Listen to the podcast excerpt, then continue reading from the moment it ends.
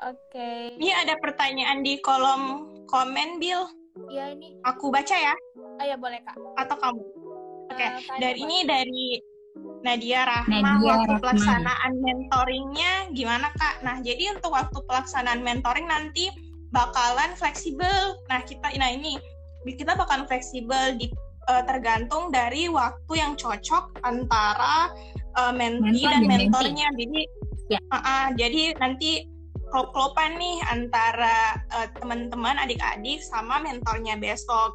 Tapi ada juga yang terjadwal seperti mungkin yang kayak grup-grup itu nanti terjadwal mengikuti eh, kesediaan em, mentornya dan kita juga bakalan nyediain juga eh, kayak eh, jadwal-jadwal. Nah nanti eh, adik-adik bisa pilih nih yang mana yang waktunya cocok seperti itu. Oke, jadi di Endo Mentor ini ada yang terjadwal, ada juga yang menyesuaikan kan ya kak?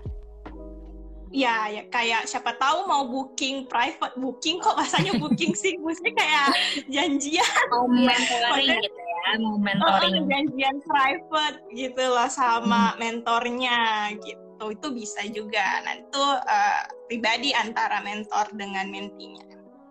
Oke. tambahan lagi sih sebenarnya eh, untuk durasi pelaksanaannya untuk satu program itu sebenarnya akan dilaksanakan dalam satu bulan gitu di mana mungkin untuk pertemuan rutinnya itu satu minggu satu kali yang mana waktunya seperti tadi yang dia bilang itu menyesuaikan dengan ketersediaan waktu antara mentor dan mentinya gitu jadi selama satu bulan itu akan ada satu program gitu dalam waktu durasi tersebut gitu. Jadi hmm, tidak menutup kemungkinan dalam satu minggu itu misalnya hanya ada satu eh, grouping tapi teman-teman yang mau private ke mentornya itu boleh banget